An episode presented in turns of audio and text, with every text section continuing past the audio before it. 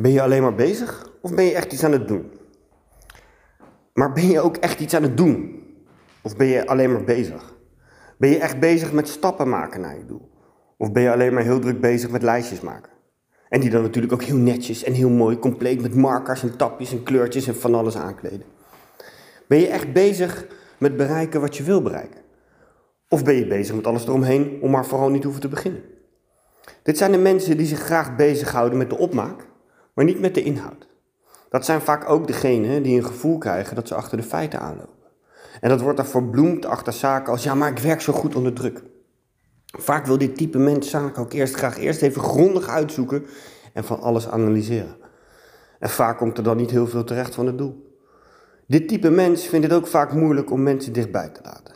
Relaties zijn leuk totdat het allemaal te serieus wordt en ze allemaal het idee krijgen dat ze hun, dat ze hun identiteit kwijtraken.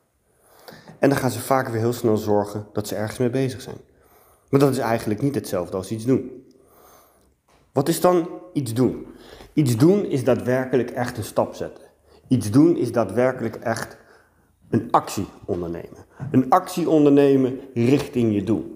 Bezig zijn is allerlei randzaken belangrijker vinden dan de daadwerkelijke actie.